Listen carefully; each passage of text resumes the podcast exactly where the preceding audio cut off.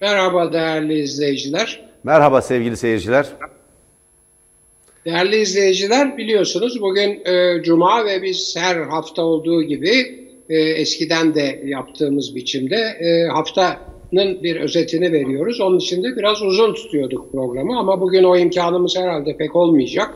E, arkamızdan çünkü çok önemli bir başka program geliyor. Uğur Dündar'ın özel e, e, Demokrasi Arenası programı. Merdan Bey de zaten oraya da katılacak. Ben onun için burada açılışımı çok kısa tutacağım ve e, bir çok böyle madde madde bir özet yaparak sözü Merdan Bey'e aktaracağım. Onun yorumlarını almak üzere. Şimdi esas olarak bir iktidardan en fazla beklenen hatta belki tek görev olarak beklenen şey can ve mal güvenliğidir. Şimdi geçen haftanın özetine baktığımızda baktığımızda can ve mal güvenliği e, son derece aza inmiş bulunuyor. Özellikle can güvenliği şimdi söyleyeceğim, anlatacağım zaten. Ve asıl iş ve aş konusu. Yani ne beklenir bir iktidardan? Canınızı, malınızı güvencede tutması beklenir. E bunun için ne olacak? İşte sizin sağlığınızı koruyacak, e, düşmana karşı koruyacak, bilmem ite uğursuza, hırsıza, e, tecavüzcüye karşı koruyacak filan. Bir de malınızı koruyacak ve bunun için de işinizi ve aşınızı e, sizin e, koruması lazım. Şimdi e, olaylara baktığımızda şimdi özetlemeye başlıyorum olayları. Ne oldu? E, bugün de dahil iktidar çok net ve açık bir biçimde evinizde kalın kardeşim diyor. Evinizde kalın. Evinizde oturun. Çıkmayın. Tamam bunu anladık. Bir ben de en baştan beri zaten bunu söylüyorum. Belki bu bu pandemiyle, bu, bu salgınla mücadelenin de birinci koşulu evde oturmak, çıkmamak. E peki iş yerlerini kapatmıyor. Ondan sonra insanlar dışarı çıkmak zorunda kalıyor. Yani işte bu mesela canımızı yeterince koruyamadığını gösteriyor. Bir. iki işimizi koruyamadığını gösteriyor. Dolayısıyla hem evde kal demek hem de çalışmak zorunda olan insanlara destek veremediği için, iş yerlerini destekleyemediği için, iş yerlerini kapatacak bir biçimde daha geniş bir e, sokağa çıkma engeli koymamak açısından canımızı yeterince korumuyor. Malımız da korumuyor, işimiz de korumuyor. Bu bir. İki, bu yetmiyormuş gibi yani evde kal demesine rağmen bizi evden çıkmaya e, mecbur eden bir uygulamaya rağmen bir de ek olarak, rağmen de değil, ek olarak aşımızla da oynuyor. İnanılmaz bir şey. Yani belediyelerin yıllardır yaptığı yoksullara aş verme, yemek verme hizmetinin destek hesaplarını bloke ediyor, kapatıyor. Belediyelerin yani hem Antalya'da hem e, Eskişehir'de bunun şeyleri var, örnekleri var. Olacak şey değil. Yani hem hem hem hem evde otur diyor ve işe gitmemize e, işe gitmemizi zorunlu kılıyor. Böylece canımıza kastediyor. Hem de aşımıza yani iş ve aş dediğimiz aşımıza kastediyor. Başka bir olay daha var. Gene canımızla ilgili. Maske takacak diyor. Herkes maske takacak. Ondan sonra maske satışını engelliyor. Maskeyi ben dağıtacağım diyor ve dağıtamıyor. Hala dağıtamıyor. 10 güne yakın zaman geçti bu maske olayı ortaya çıkalı hala peyderpey taksit taksit nereye gittiği belli olmayan ve e, sevgili eczacı kardeşlerimizin üstüne inanılmaz bir yük bindiriyor ve tabii uygulamada pek çok da aksaklık var. E, yani ben tabii 65 yaşının üstünde olduğum için maske bana lütfetmeyecekler. Ben başka bir kolonyayla maskeden e, oluşan bir e, hediye paketi gelecekti onu bekliyorum. E, ama maske alma hakkı Polisler yok. dağıtıyor hocam. Yani ya ona da yazık çocuklara yani polisler. Öyle gerçekten şey öyle. İşleri o değil ama dağıtıyorlar. Sağ olsunlar. Yazık. Olmazsa bekçilere filan verselerdi. Polislere yazık, polis evlatlara. Neyse. Şimdi fakat mesela benim gibi 65 yaşın altında 20 yaşın üstünde olup da cep telefonu kullanmayanlar var. Ne yapacak onlar? Onlara nasıl haber gidecek? Onlar onlar cep telefonu kullanmadıkları için cezalandırılacaklar mı? Yani bir de böyle bir husus var. Yani maske tak diyor maske satışını engelliyor. Hemen ben buradan derhal söylüyorum açıkça. Madem bedava dağıtıyor dağıtsın başımızla beraber. Öpüp başımızın üstüne koruz. Ama bıraksın satış da yapılabilsin kardeşim. Bırakın satış yapmayı. Bedava maske hazırlayıp pazar yerlerinde maskesiz satış yapan satıcılara maske dağıtan kadınları gözaltına alıyorlar. Ya böyle şey olur mu? Bu kadar mantıksızlık olur mu? Yani ne can güvenliğimizi koruyor, ne malımızı, ne işimizi, ne aşımızı koruyor. Benim söyleyeceklerim bu kadar. Bir tek şey yalnız ilave edeceğim. Maalesef çok kötü bir e, üslupla da e, iktidardan bir mesaj geldi. Aynen 15 Temmuz kalkışması gibi bu koronavirüs e, pandemisi de bizim 23 e, 2023 hedeflerimize varmamızı kolaylaştırıcı önlemler almamıza yardımcı oluyor gibi bir bir söylenti dolaşıyor iktidar kesiminden. Bunu da fevkalade yanlış, son derece e, rahatsız edici e, buluyorum. Arada bir de bir de bir yasa geldi. İki şey var o yasada. Yolsuzluk yapanlar dışarı çıkacak, onu yazanlar içeride kalacak. Ayrıca artık sosyal medyada bitecek. Bu yasa uygulanırsa hani diyorlardı ya Twitter kullanıcıları Twitter kullanıcıları vatandaşlık numarasıyla yazsın. Öyle bilelim. Hani troller öyle diyorlardı. Twitter'da vatandaşlık numarasıyla kimlik verilsin diyorlardı. O geliyor işte. Bundan sonra eğer bunlar kabul edilirse sosyal medya bitecek. Yani Twitter, Facebook ve Instagram evet. gibi hesaplar hiçbir tamam. anlamı kalmayacak. Kontrol altına kal girecek. Bunları reddederlerse de Türkiye bunlardan mahrum kalacak. Geçen haftanın özeti budur sevgili Yanardağ. Yani her biri e, her biri bir balyoz şiddetinde e, çelişki ve sıkıntı ve baskı ve sansür ve can ve mal e, kaygısı getiren olaylar. Buyurun bakalım Peki. hangisini Hocam hemen hızla devam edelim bir tekrara düşmeden. E, o yüzden ben sizin değerlendirdiklerinizin üzerinden gitmeyeceğim. Sadece e, son söylediğinizi önem, e, önemli olduğu için, tüm önemli de e, şu 2023 hedefleri konusuna değineceğim. Çünkü biz buradan uyardık. Burada söyledik. Türkiye televizyonlarında, Türkiye medyasında belki de ilk kez veya ilk ve tek olarak söyleyen biziz. AKP iktidarının ve onun ortağı olan MHP'nin, özellikle siyasal İslamcı bir iktidarın e, tıpkı 15 Temmuz darbesini darbesinden sonra oluşan kriz ortamını e, değerlendirdiği gibi, fırsata çevirmeye çalıştığı gibi e, bu koronavirüs krizini de bir fırsata çevirerek kendi dar ideolojik, dinci ideolojik hedeflerine ulaşmak için kullanmaya çalışacağını belirtmiştik. Söylediğiniz şey budur. Evet bunu itiraf etmiş durumdalar. 2023 hedefleri neymiş ilan etsinler. Hiç hiç kaytarmadan ilan etsinler. 2023 hedefleri nedir? 2023 hedefleri Cumhuriyeti tümüyle tasfiye etmek ve yerine düşük yoğunluklu da olsa dinci bir rejim kurmak mıdır? Bir şeriat düzeni kurmak mıdır? Yoksa başka bir şey midir? Bunu hiç kaytarmadan açık sözlükte ortaya koysunlar. Millet daha önce ya bunların gizli ajandası var diyenlere deniyordu ki ya siz niyet mi okuyorsunuz, ne yapıyorsunuz diye. Hatta alay ettiler. Endişeli modernler işte laikçi teyzeler vesaire diye. O Nuray Mertler, Nülüfer Göleler, o e, merkez medyadaki kimi böyle şöhretli isimler. Esas olarak şimdi bu iktidarın yaktığı, e, yarattığı cehennemin ateşinde bunlar yanıyorlar. Önce kapağı atanlar şimdi tekrar şeye yani muhalif ve halkçı bir takım kanallara işte bir e, alanlara falan e, girerek kendilerine yer açmaya çalışıyorlar. Evet ben asıl felaketin, asıl felaketin, asıl sorunun, bu ülkenin asıl sorununun her krizi kendi dinci, dar, ideolojik hedeflerine, Emevici hedeflerine ulaşmak için fırsat olarak değerlendiren bir iktidar olduğunu düşünüyorum. Türkiye'nin asıl sorunu budur. Toplum güvenliği de, toplum sağlığı da, toplumun geleceği de, ülkenin geleceği de bu bakımdan önemli değildir. Onlar için önemli değildir. Önemli olan küçük şeri çıkarları için ülkenin neredeyse büyük bir bölümünü feda etmeyi göze alan bir siyasi kadroyla karşı karşıya kalmamızdır. Şimdi biraz önce Sağlık Bakanı'nı dinledik.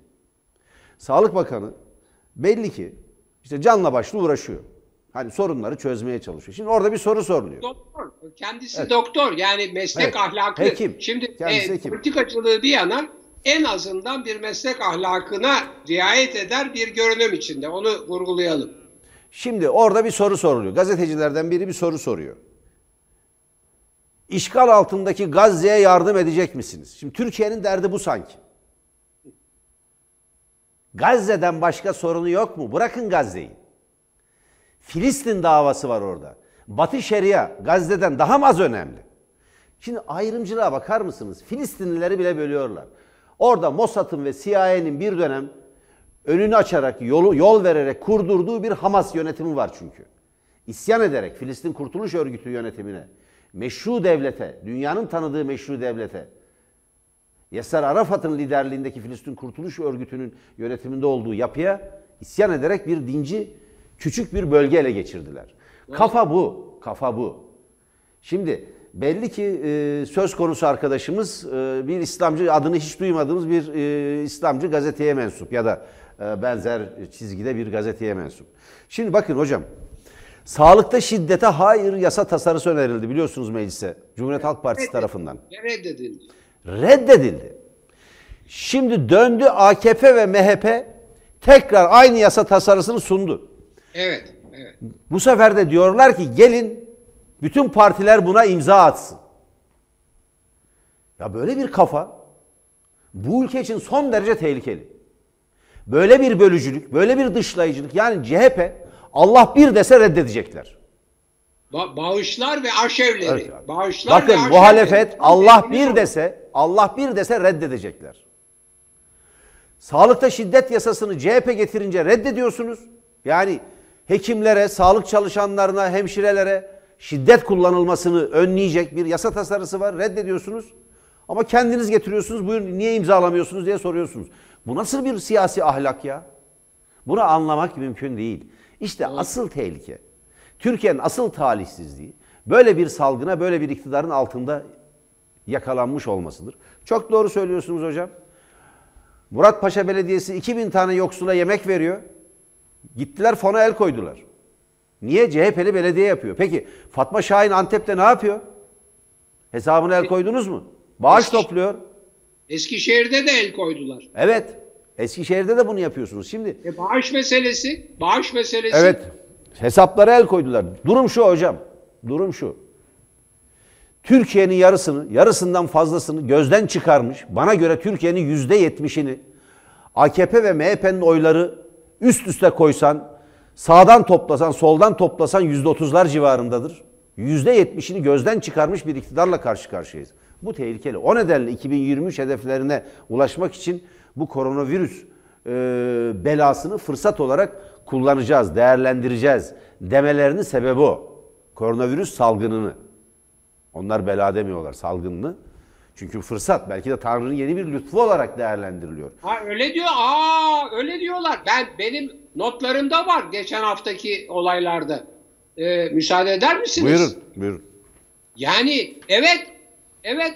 Yani inanamadım. Kulaklarıma, gözlerime inanamadım. Ya, önce okudum, sonra onun kayıtlarına baktım doğru mu diye. Adamın biri çıkmış diyor ki bu diyor Allah'ın diyor dünyadaki dengeyi sağlamak için yaptığı, yolladığı bir şeydir diyor. O da canlı diyor. Değerli izleyiciler haberiniz belki yoktur. Ee, Yani vallahi billahi şu söyleniyor. Te- Türkiye'deki televizyon ekranlarından. Virüs de bir Allah'ın yarattığı canlıdır. Allah bunu dünyadaki dengeleri korumak ve çok fazla e, yani yiyecekten, içecekten filan imkanlardan çok daha fazla yürüyen insanların üremesini dengelemek, durdurmak yani onları öldürmek için yollamıştır anlamında yorum yapıyor ya. Ya yani inanamadım. Gerçekten inanamadım. Sayın Yanardağ. Hocam- Siz, e, e, bilmiyorum yani Osmanlı-Rus Savaşı sırasında da İstanbul'da alim diye bilinen şeyhleri istihareye yatırıp ne gördünüz diye ona sorup strateji belirleyen padişahlar vardı. Osmanlı böyle çöktü. Böyle çöktü.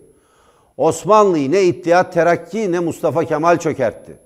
Onlar çöken, yıkılan bir imparatorluğu özellikle Jön Türkler ve İttihat Terakki kurtarmaya çalıştılar. Bu zihniyete karşı toplumu bilim ve akılla tanıştırarak, bilime ve akıla dayalı bir yönetim kurarak, toplumu buna uygun olarak yeniden organize ederek, örgütleyerek kurtarmaya çalıştılar. O nedenledir ki Birinci Dünya Savaşı'nda Osmanlı bütün dünyayı şaşkına çeviren bir direniş sergiledi. Liman von Sanders,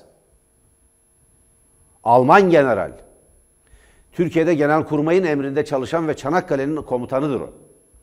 Türkiye'de 5 gün kitabında herkesi şaşırttı diyor bu direniş. Çünkü genç Türkler yani jön Türkler yönetimi aldılar ve çok hızlı bir şekilde orduyu modernize ettiler. Akla yani alaylı subayları, okuma yazma bilmeyen, imzasını bile atamayan alaylı subayları tasfiye edip ki onlar 9 Mart'ta darbe yapmaya kalktılar. 31 Mart e, vakası diye bilinen 2009'da pardon düzeltiyorum. 2009'da darbe yapmaya çalıştılar. İslamcılarla birlikte, Volkan Gazetesi taraftarlarıyla birlikte o darbe girişimi içinde Said Nursi de vardır. Mahkum edilip Kıbrıs'a sürgün edilmiştir. İslamcı bir darbedir. Abdülhamit arkadan desteklemiştir. Akıl ve bilimle tanıştırma e, toplumu çabası AKP iktidarıyla birlikte yeniden kesintiye uğradı hocam. Bu nedenle bunu söylüyorlar. Bu nedenle onu söylüyorlar. Toplumun sağlığı bu nedenle büyük bir tehdit altında. Başka bir sebebi yok bunun. Evet. Şimdi benim e, çok üzüldüğüm nokta da şu. E, bu tek kişi yönetimi maalesef e, beceremiyor. Şöyle. Şimdi bağışı yasaklıyor. Maske satışını yasaklıyor. Ama kendisi yeterince bağış toplayamıyor. Yeterince maske dağıtamıyor. Yani inanılmaz bir şey bu. Üstelik kendi ülkesinde dağıtamadığı maskeyi ve kitleri, şunları bunları ya bir takım malzemeleri dış ülkelere yolluyor. Bununla da övünüyor. Ya inanılmaz yani böyle bir şey olamaz. İnsan hakikaten aklını yitiriyor yapılanlara baktığı zaman. Yani bir şey... Şimdi ayranı yap- yok içmeye diye bir halk deyimi var. Hayır bir şey yapmıyorsun. Başka senin yerine hem de sana hiç itiraz etmeden senin kurallarınla, koşullarınla yapmak isteyeni önlüyorsun ama kendin yapamıyorsun. Ya böyle bir şey olabilir mi ya? Yani bu duyulmuş, işitmiş bir şey bir şey değil. Yani herhalde Türkiye tarih bunu böyle yazacak. Yani bu inanılmaz bir şey. Ya tekrar ediyorum. Maske satışına derhal izin verilmelidir. Sen devlet olarak dağıt kardeşim. Başımızla beraber, başımızın üstünde. Belediyeler de dağıtıyor zaten. Sen de dağıt. Sen de dağıt. Bedava maskeyi dağıt. Bu piyasa olayı. O, sen bedava maske dağıttığın halde gidip oradan parayla satın alacak olan varsa da alsın ya. Yani böyle böyle şey olur mu? Evden çıkma diyorsun. Adamın işe gitmezse e, para alamıyor. Destek vermiyorsun. Hocam buradan maske, bir maske yok. Buradan bir rüşvetle yani, ilgili bir duyuru yapmak istiyorum hocam. Çok haklısınız. Devlet bedava dağıtacaksa dağıtsın ama satışı da engellemesin.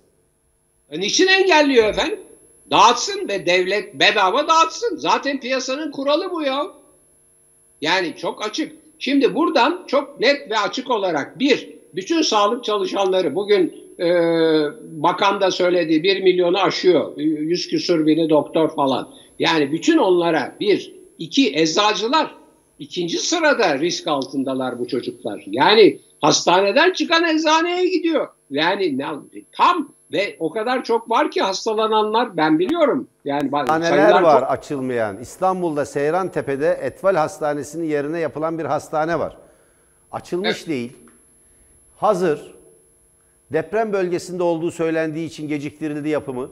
O zaman e, Galatasaray'ın stadı da deprem bölgesinde yapılmış demektir. Tam ortada bir skandal var. Yani e, doğru bilginin ve haberin topluma ulaşmasını bugüne kadar engellemeye çalıştılar. Rütük'ten bugün bize bir yazı geldi.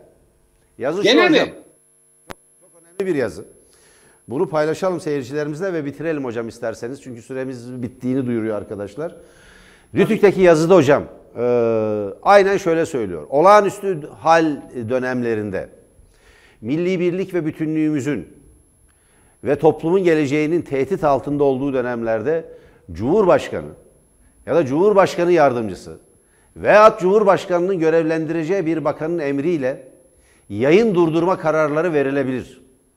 Bu kararlar bize iletilecek ve biz de bunu sitemizden duyuracağız ama gözünüzden kaçmasın diye iki yetkilinin, iki görevlinin bize cep telefonlarını iletin diye yazı geldi.